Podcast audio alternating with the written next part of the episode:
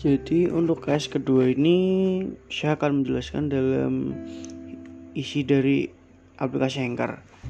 Jadi untuk pertama pembuatan mudah. Jadi kalian tidak perlu verifikasi nomor.